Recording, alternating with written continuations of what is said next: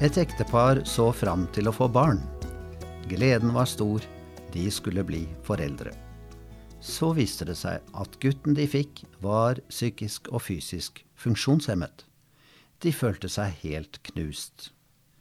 Likevel ble de glad i ham og viste kjærlighet, som de ville vist ethvert annet barn. De bygde et soverom med glassvegger, slik at de kunne holde øye med ham samme hvor i huset de var. I 17 år sov moren ved siden av gutten med hånden sin like ved hjertet hans. Hvis han fikk vanskeligheter med å puste, ville hun være klar til å våkne opp og gi ham kunstig hjelp. I 17 år levde de på denne måten. Men så hendte det en dag at en nabojente falt ned fra et tre og brakk armen. Moren forlot sønnen for å kjøre jenta til sykehuset. Mens hun ventet der sammen med jenta, kom mannen hennes inn med sønnen deres. Nå var han død. Han hadde sovnet inn mens hun var på sykehuset.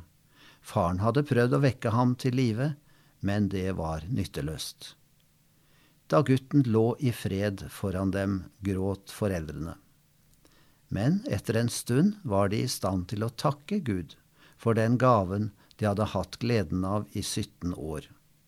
Moren sa, gutten lærte oss å vise kjærlighet. Det står et merkelig ord i Salme 116 vers 15. Det koster Herren mye at Hans trofaste dør. Men den samme salmen forkynner Herren er nådig og rettferdig. Vår Gud er barmhjertig. Herren vokter de uvitende. Han kom meg til hjelp da jeg var langt nede. Kom til ro igjen, min sjel. Herren har svart deg. Moren til den funksjonshemmede gutten så at det var noe hun skulle lære.